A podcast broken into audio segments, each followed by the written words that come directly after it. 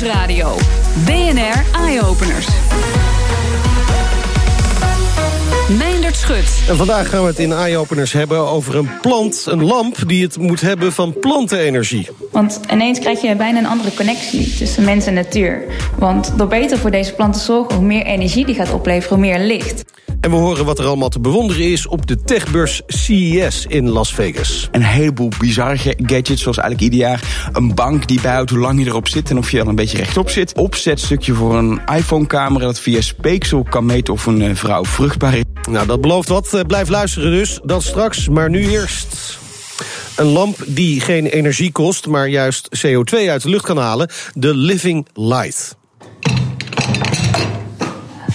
Ermi, waar ben je? Ik weet het niet. Ik sta er Ik zie je in een hele donkere ruimte. Het is hier pik en pik donker. Ik zie je gewoon echt niet. We staan namelijk In een toilet. wel een groot toilet. En het is stikdonker. En toch is er een heel klein beetje licht. En dat komt achter die prachtige plant vandaan. Ja, wat zie ik? Althans, wat zie ik bijna niet? Een lamp die zijn energie genereert uit het fotosyntheseproces van de plant. En daarom staan we hier ook, want het is een klein beetje licht. Het is een hele mooie sfeerlamp. En staan we in een pikdonkere ruimte in dit gebouw om het magische effect te zien. Dat magische effect is er. En we kijken naar de fotosynthese van een plant. Nou, het gaat eigenlijk zo. De, de plant produceert voeding voor zichzelf om te groeien tijdens het fotosyntheseproces. Maar een vrij groot deel heeft hij niet nodig van die voeding. En die laat hij los door zijn wortels in de grond. En bacteriën die natuurlijk in de grond zitten, die verteren deze voeding. En tijdens dat proces laten ze elektronen los. En met de microbial fuel cell technologie, die ontwikkeld is door Plant E, wetenschappers uit Wageningen, Ja. kunnen we dus die elektronen omzetten tot elektriciteit. Ermi, die overwaarde van die fotosynthese zit dus in de wortels. Dat begrijp ik nog na jouw heldere uitleg. Maar hoe krijg je die drie LED-lampjes die hier afwisselend aan en uit gaan, heel sfeervol, hoe krijg je die aan het branden? Ehm, nou, dat doen we door middel van elektronica. Zodat je hier zie je eigenlijk een, een soort blad. En dat zit vol met eigenlijk mooie chipjes en eh, weerstandjes. Ja, in de plant is dat verstopt, een soort eh, printplaatje. Ja, exact. En op dit printplaatje zorgt ervoor dat die ledjes kunnen branden. Dus er zit een soort energy harvester op, die hele kleine beetjes energie kan opslaan. En die slaan we dus op op een soort van accu. En deze accu die stuurt het weer door naar de leds toe. Dus de plant laat de accu op en de accu geeft de lampjes licht. Exact. Door de plant aan te raken. Hoe werkt dat? Nou, ik vond dat een nieuwe mani- manier van energie opwekken ook een nieuw lampenknopje verdient. Want eh, ineens Je raakt nu de plant aan. Want ineens krijg je bijna een andere connectie tussen mens en natuur. Want door beter voor deze plant te zorgen, hoe meer energie die gaat opleveren, hoe meer licht. Dus echt door letterlijk eigenlijk een fysieke aai over de plant heen, een liefdevolle aanraking, schakel je het licht aan. Het is exact een lichtschakelaar. En dat geeft dus een magisch licht in dit donkere toiletgebouwtje. Gezellig is het wel. En ook romantisch. Eh, ja, dit, dit moet thuis natuurlijk heel veel eh, liefde en warmte opwekken, toch? Want dat is ook nog energie-neutraal. Ja, precies. En hoe meer groen natuurlijk, eh, hoe meer eh, CO2 we kunnen wegnemen. En als dat ook nog eens een functie kan geven om energie op te wekken, dan denk ik dat dat heel veel kan bieden voor eh, de toekomst. Ja, en zo krijgt plantenknuffelaar een hele andere betekenis. Verslaggever Harmen van der Veen op bezoek bij Ermi van Oers, de ontwerper van de lamp. BNR Nieuwsradio. BNR Eye Openers. Meindert Schut. En ik praat even verder over eh, die lamp, over de Living Light met Carlijn Arts. Welkom. Hi, dank je. Jullie zijn bezig met eh, de productie van de eerste 50 lampen... eh, die op deze manier eh, energie gaan geven en dus ook licht gaan geven. Wanneer komen ze? Ehm, de bedoeling is dat eind juni maximaal de planten opgeleverd kunnen worden. Alles daarvoor is natuurlijk alleen maar winst. Maar we richten nu op juni om deze 50 planten vrij te geven. Oké, maar dat, dat is nog best wel een lange tijd voor 50 lampen, zo op het eerste gezicht. Waarom, wat, wat is er zo moeilijk aan? Nou, eh, in samenwerking met Plant E, eh, die de cellen aanlevert, die zijn al een stuk verder. Die hebben al jarenlang onderzoek gedaan eh, om dat allemaal de technologie daarachter te optimaliseren. Maar aangezien er nog nooit een interactie is geweest met licht, zijn wij de afgelopen jaar, anderhalf jaar vol mee bezig geweest om dat te bewerkstelligen. Ehm, en alles is helemaal handgemaakt, dus zowel het glas is helemaal geblazen En we, we, zetten alles zelf in elkaar. Dus dat kost zeker wat tijd. Dan, ja. dan, is dat in ieder geval duidelijk. nou staat deze technologie ook in de kinderschoenen. Dat heeft er ongetwijfeld ook mee te maken. Betekent mhm. misschien ook dat de opbrengst van het licht misschien nog wat beperkt is. Wat moeten we ons daarbij voorstellen? Hoe lang geeft deze plant licht? Ja, we hebben het inderdaad expres ook ledlampjes, omdat die inderdaad niet zoveel uh, eisen. En nu geeft het ongeveer 50 minuten tot een uur continu licht. Uh, maar dat willen we natuurlijk ook gaan optimaliseren. En vooral als het in uh, publieke ruimtes komt, dan wil je natuurlijk wel dat het een hele avond lang licht geeft. maar daar hebben we allemaal slimmigheidjes, slimmigheidjes voor bedacht om dat voor oh, elkaar te krijgen. Zoals? Vertel. Zoals, de bedoeling is dat gemeente Rotterdam, die is razend enthousiast. En die wil graag onze buitenmodules gaan implementeren in het park. Um, en we willen waarschijnlijk rond maart, april dat gaan implementeren. En wat eerst eigenlijk een, een, een euvel was, namelijk inderdaad het geeft niet zoveel licht, hebben we eigenlijk benut als een kans. Uh, namelijk, um, als je over het pad heen loopt in het park, zullen de lampen jou gaan volgen. Okay. Dus dat houdt in dat de lampen niet continu aan hoeven te staan, uh, maar wat wel een ontzettend magisch gevoel natuurlijk geeft. Ja, maar goed, nu komen er natuurlijk, nu mensen dit weten, komen er natuurlijk heel veel mensen naar het park. En dan moeten ze de hele tijd gaan branden. Ja, nou, dat is op zich, dat, daar wordt allemaal voor gezorgd. Oké, okay. okay, heel goed. Maar goed, het is een heel mooie, mooie start hiervan natuurlijk. Um, jullie gebruiken hier ook speciale planten voor? Um, nou, in principe kan het op elke plant. Dus, ja? dus als ik er eentje thuis heb staan, die, ik moet ik eens zeggen, niet zo heel goed verzorgd, maar daar zou het ook mee kunnen. Daar zou het mee kunnen. Uh, het enige is dat wij niet kunnen garanderen dat ze zoveel uh, elektronen, dus daarmee zoveel licht geven. Okay. Um, dus we hebben wel een, een, een, top aantal planten waarvan we weten die heel erg goed tegen een uh, vochtige omgeving, tegen weinig zonlicht, et cetera kunnen. En die gewoon de meeste hoeveelheid elektronen dan nu opleveren. Um, en die zullen meegeleverd worden met, met de lampen zelf. dus ja, we hebben een top, zeg maar, vier, vijf qua planten die best hiervoor geschikt zijn. Maar ja, je kan bij wijze van je muntplantje erin stoppen en dan okay. inderdaad ook, uh, ook elektronen. Ja, maar nou, nou ben ik toch wel benieuwd wat voor soort planten dat zijn die, die, die zo'n opbrengst leveren met weinig licht dus en, en met warmte. Ja, het is vooral heel erg belangrijk dat ze tegen een hele, uh, nou ja, eigenlijk een hele vochtige grond kunnen. Um, Zitten we hier wel goed eigenlijk, denk ik, in Nederland? Ja, ja zeker, zeker. Ja. Nee, deze planten zijn echt gekweekt al van eigenlijk uh, kleins aan dan uh, uh, in een hele vochtige omgeving. Omdat dat heeft te maken met de cel. Eén kant van de cel, dus die de elektronen opvangt, die inderdaad moet in contact zijn met water. En daarom hebben we er ook voor gezorgd, bijvoorbeeld met de lamp, dat er een waterbassin onderin zit. Okay. zodat het continu, continu heel vochtig is. Maar vandaar is het echt wel een heel erg kernelement dat planten heel goed tegen een uh, waterrijke omgeving kunnen. Nou zit er veel onderzoek uh, aan. Het is allemaal nog behoorlijk experimenteel natuurlijk. De lamp kost 1500 euro, heb ik begrepen. Dat is wel een investering voor een sfeerlamp.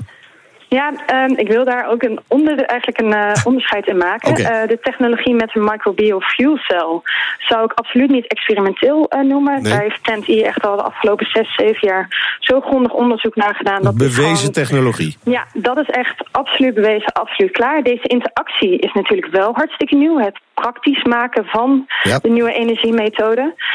dus daarom hebben we ook expres 50 lamp gedaan, zodat we echt hele goede service kunnen bieden. En mocht er inderdaad iets aan de hand zijn, dat we daar bovenop zitten. Uh, dus ja, de interactie is nieuw. Uh, technologie niet. Dat is echt absoluut nee. bewezen. Maar, maar toch 1500 euro. Niet iedereen zal dat ervoor over hebben. Nou maken jullie er ook eerst 50. Dus het is ook niet voor iedereen. Maar waarom is die zo duur? Um, helaas is dat altijd zo met uh, natuurlijk nieuwe technologieën en ja. uh, nieuwe interacties. Als je kijkt naar zonnepanelen, dan valt 1500 euro voor, uh, voor een nieuwe baanbrekend concept reuze mee. Maar dat heeft natuurlijk te maken inderdaad met alle ontwikkelingen. alles maken we dus met de hand, alles zetten we zelf in elkaar. Um, dus alleen al de pro productiekosten van zo'n lamp liggen ontzettend hoog. Um, en de enige, als we iets van winst maken, dan stoppen we dat ook meteen door in verdere ontwikkeling. En, dus en, en het is natuurlijk een hele mooie lamp, hè? Absoluut, het is ook echt een designstuk. dus als je daarmee kijkt als designstuk en een nieuwe technologie... dan valt het allemaal eigenlijk reuze mee. Hartelijk dank, Carlijn Arts van Living Light. En straks waarom we niet kunnen opletten als we in een bijna zelfrijdende auto zitten. BNR Nieuwsradio. BNR Eye Openers. Rijden in een peloton van zelfrijdende voertuigen, dat bespaart energie, kan eventueel in de toekomst filevorming mogelijk tegengaan. Lijkt als een win-win situatie eh, zich te ontwikkelen. Alleen de huidige generatie autonome voertuigen is nog niet volledig autonoom. En dus moet de bestuurder blijven opletten en kunnen ingrijpen. En dat is nou net enorm lastig voor veel mensen. Volgens onderzoeker Daniel Heikoop van de TU Delft in elk geval. Welkom in de uitzending. Dank u wel. Wat maakt het zo lastig voor ons om in zo'n uh, nog niet volledig autonoom rijdende auto te rijden? Um, nou, het, het, grootste probleem zit hem in het feit dat um, in dat geval de auto bijna alles zelf kan doen. Ja. Dus dat jij daar eigenlijk gewoon maar een beetje passief zit te zitten. En uh, te wachten totdat er iets fout gaat. Oké, want... En dat is, dat is verschrikkelijk Ja, saai. ja, en precies. daar zijn mensen heel slecht in. Daar zijn we gewoon niet voor gebouwd. Heel simpel. Nee, Eh, precies. We hebben het uiteindelijk over level 5 autonoom rijdende auto's. Hè. Die, die kunnen echt alles zelf. Er hoeft, eh, bestuurder hoeft eigenlijk geen stuur meer in. Eh, dit, eh, over welke situatie hebben we het nu? We hebben het eh, in dit geval ehm, eh, over zeg eh, level 3, level 4. Ja. Ehm, dat is eh, meer het specifieke waarbij je ook echt kan denken aan, eh, aan pelotonvorming daarvan. Ehm, ehm, bij level 2 eh, zit je al te denken aan dat in sommige omstandigheden zowel het sturen als het, het, het gassen en remmen Ja. wordt overgenomen. En bij level, level 4 is het echt dat je in grote delen volledig uit de loop wordt genomen. Oké. Ja, de, eh, waar we het nu over hebben is wat, wat mensen al met Tesla's kunnen hebben, maar ook met andere merken, Volvo, Mercedes, eh, BMW, die hebben dat al. Hè? Dat je op de snelweg Ja. eh, alles eigenlijk zo'n beetje uit handen kunt geven, maar af en toe nog het stuur moet vasthouden. Ja, Tesla's eh, me- me- met de autopilot feature, dan moet je nog wel denken aan, aan level 2. Want dat Ja. is op, op zeer, zeer beperkte schaal is dat inderdaad ehm, in die zin volledig autonoom, maar dat is maar heel zeer beperkt. Ja, eh, en tegelijkertijd, wat die auto's eh, allemaal hebben, is dat je af en toe het stuur moet vasthouden als je de auto zelf laat rijden. Is, is, is dat soort dingen, zorgt dat soort zaken er niet voor dat we toch alert kunnen blijven? Ehm, ja, dat, het zijn ehm, de eerste vorm van, eh, van opties om, om mensen alert te houden. Dat, eh, dat zijn oplossingen die daarvoor bedoeld zijn. Maar eh, bedenk je maar dat, ehm, dat als je voor zeg een half uur, een uur, twee uur eh, achtereen in zo'n auto zit en eh soortement van systematisch je handen op het stuur moet leggen en dan er weer vanaf kan houden. Ja. Op een gegeven moment gaat dat automatisch worden. Dus eh, dan, dan let je ook niet meer fysiek op. Alleen de automaat denkt dat je dat, dat wel doet. Ja. En ja, daar, daar gaan de, de gevaren ontstaan, waarbij je mentaal niet meer aanwezig bent. Ik, eh, ik moet bekennen, ik heb dat eh, meegemaakt. Ik heb eh, veel in dat soort auto's gereden. En ook af en toe inderdaad, je, je legt gewoon je vingers op het stuur... en dan denkt die, oude, die persoon let op. Maar ik was ondertussen mijn mail aan het wegwerken. Dat was in, een, in een file waarbij de auto het allemaal zelf dus deed. Dus dat, dat, dat kan ik bevestigen. En is één, dat klopt. Dat je dus je aandacht niet meer met het verkeer bezig is... maar gewoon met andere zaken. En je dwaalt dus af als mens. Ja, precies. En dat is natuurlijk ook uh, de uitdaging, het idee van, van automatisch rijden, dat je daadwerkelijk ook Ja. andere dingen kan doen. Um, maar op, op dit moment uh, kunnen we nog niet zeggen dat, uh, dat die systemen zodanig veilig zijn, waardoor we dus nu uh, vanuit een technisch oogpunt zeggen van nou de mens is altijd verantwoordelijk, de mens moet altijd op blijven letten. Ja. Nou, nou, Maar ja, hoe meer de automaat zelf kan Ja. doen, hoe minder de mens hoeft te doen. En daar zit het probleem in. Nou, nou hebben we natuurlijk ook wel vliegtuigen die de hele wereld over vliegen eh, op de automatische piloot. Waar de piloot wel bij is. En die gaat eh, denk ik ook niet een, eh, een tukje doen. Die, gaat, eh, die blijft gewoon gefocust opletten. We kunnen het dus wel leren waarschijnlijk. Ja, ja inderdaad. In de, in de luchtvaart heb je een, uh, ten alle tijde een piloot en een co-piloot.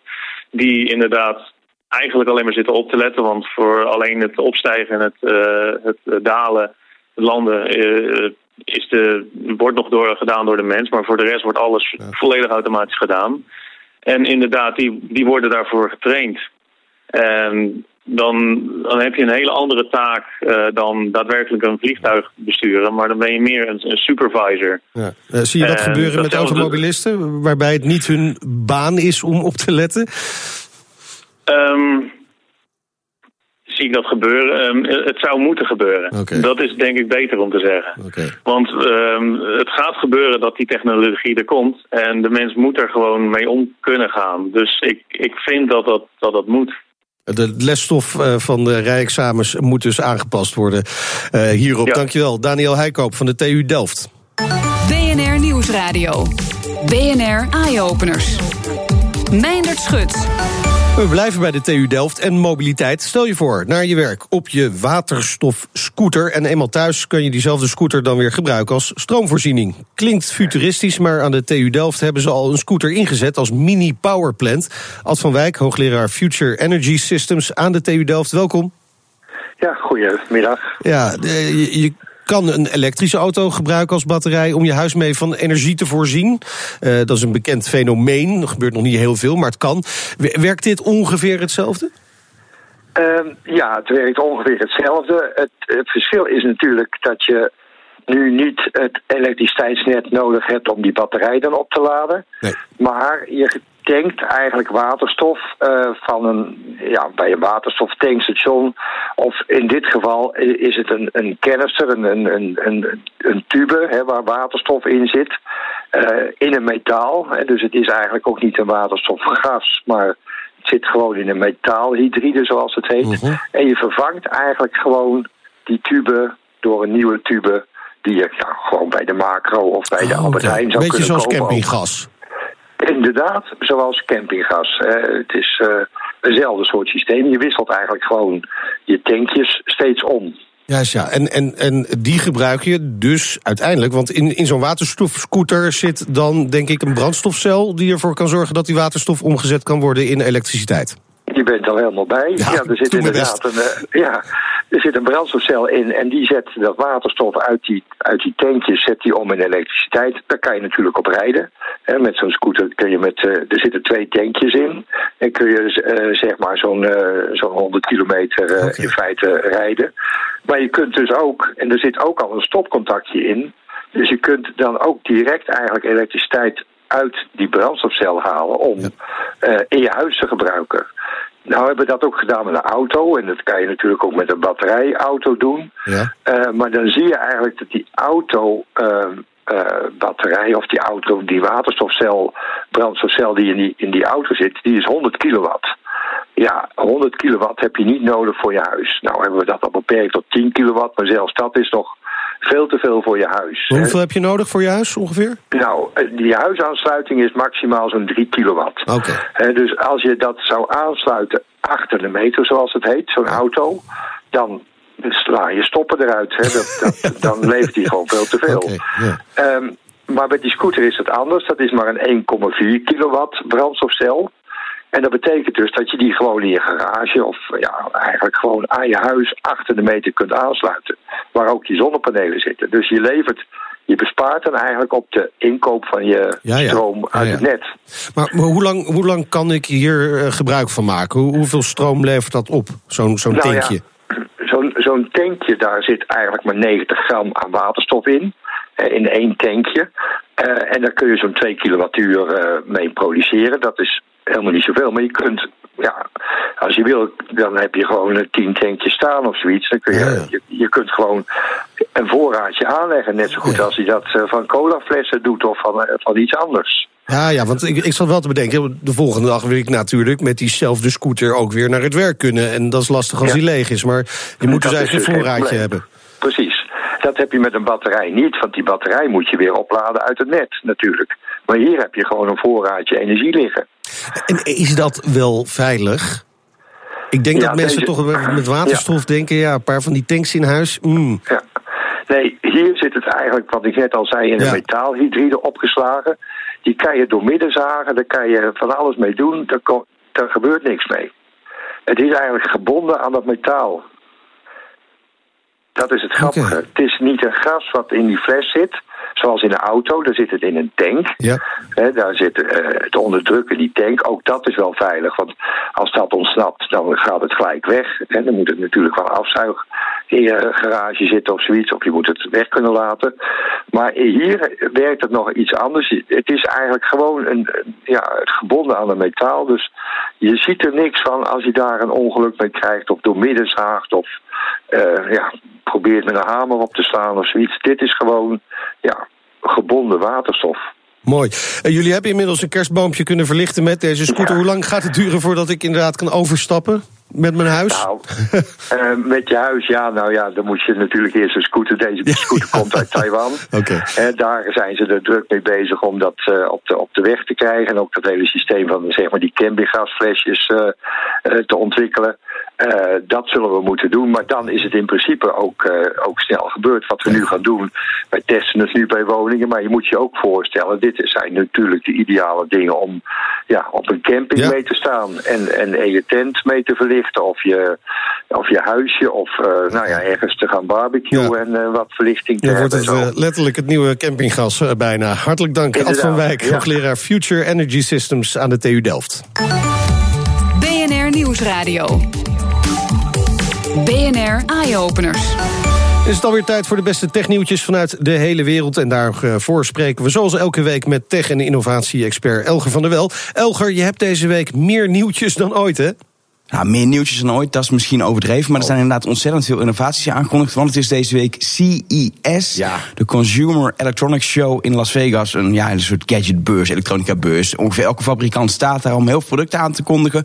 We zien ongeveer dat elk apparaat een spraakassistent krijgt. Of van Amazon Alexa of het Google Assistant wordt ingebouwd. Het gaat van auto's tot koelkast tot zelfs wc. Uh, verder zien we een heleboel bizarre gadgets, zoals eigenlijk ieder jaar een bank die bijhoudt hoe lang je erop zit en of je al een beetje rechtop zit. Een opzetstukje voor een iPhone-camera dat via speeksel kan meten of een uh, vrouw vruchtbaar is. Dus we kan ook nog wel even doorgaan. Ja, uh, maar zijn er ook dingen die er echt uitspringen in jouw ogen?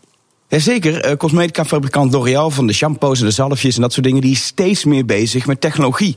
Lanceert nu op CES een uh, piepkleine UV-sensor die je op een nagel kunt plakken en die de hoeveelheid UV-straling meet en doorstuurt naar een bijbehorende app.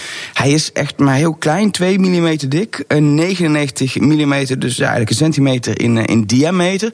En een batterij die is niet nodig voor dat, voor, voor, voor, ja, voor dat stickertje is het eigenlijk. De app die geeft je advies wanneer je jezelf moet gaan beschermen tegen de zon. Okay. En komende zomer komt hij ook echt voor het eerst op de markt, maar nog wel in een iets wat beperkte oplage. Een jaar later moet hij echt overal te koop zijn. En de UV-sens, dat, dat, ja, dat sensortje, dat gaat maar een paar tientjes kosten. Dus ook echt wel voor iedereen betaalbaar. Oké, okay, nou moeten wij maar gaan testen, denk ik dan. Uh, gadgets waar we ook echt iets aan hebben, daar word ik wel blij van. Heb je nog meer op dat vlak? Ja, er zijn namelijk verschillende aankondigingen gedaan van producten die zich richten heel specifiek op mensen met een bepaalde ziekte. Zo toont het bedrijf NeoFact op CES een robothandschoen voor mensen die verlamd zijn en daardoor hun handen moeilijker kunnen gebruiken. Cool. Die handschoen helpt dan om juist wel weer die hand te kunnen gebruiken. Uh, de handschoen die zit eigenlijk om je handpalm en om twee vingers, uh, je middelvinger en je wijsvinger. En ja, dankzij ingebouwde motortjes kun je je hand eigenlijk gewoon weer buigen, kun je iets vastpakken. Denk gewoon aan iets simpel als een glas water of een, of een deurklink zodat je de deur open kan doen. Uh, handschoen moet minder dan 1000 euro gaan kosten. Dat klinkt heel veel, maar zeker voor, voor, voor zo'n tool is het echt wel betaalbaar. Maar het duurt helaas nog wel even voordat hij uiteindelijk op de markt gaat komen. En verder zien we het uh, bedrijf Xenoma. Die laat een speciale pyjama met sensoren zien. Die is bedoeld voor Alzheimer-patiënten. Kan bewegingen meten, maar bijvoorbeeld ook uh, ademhaling. En hierdoor kunnen patiënten op afstand worden gemonitord. Waardoor het veel makkelijker is om die patiënten te, te verzorgen. In 2020 moet deze pyjama op de markt komen. We kunnen haast niet wachten. Hartstikke mooi, die innovaties uh, daar vandaan. Dankjewel, Elger. Tot volgende week. En dat was hem voor vandaag. Meer innovaties met impact vind je op bnr.nl slash eyeopeners. Op Twitter vind je ons via BNR Innovatie. En de hele uitzending kun je natuurlijk terugluisteren als podcast via iTunes en Spotify. En je hoort ons in de toekomst.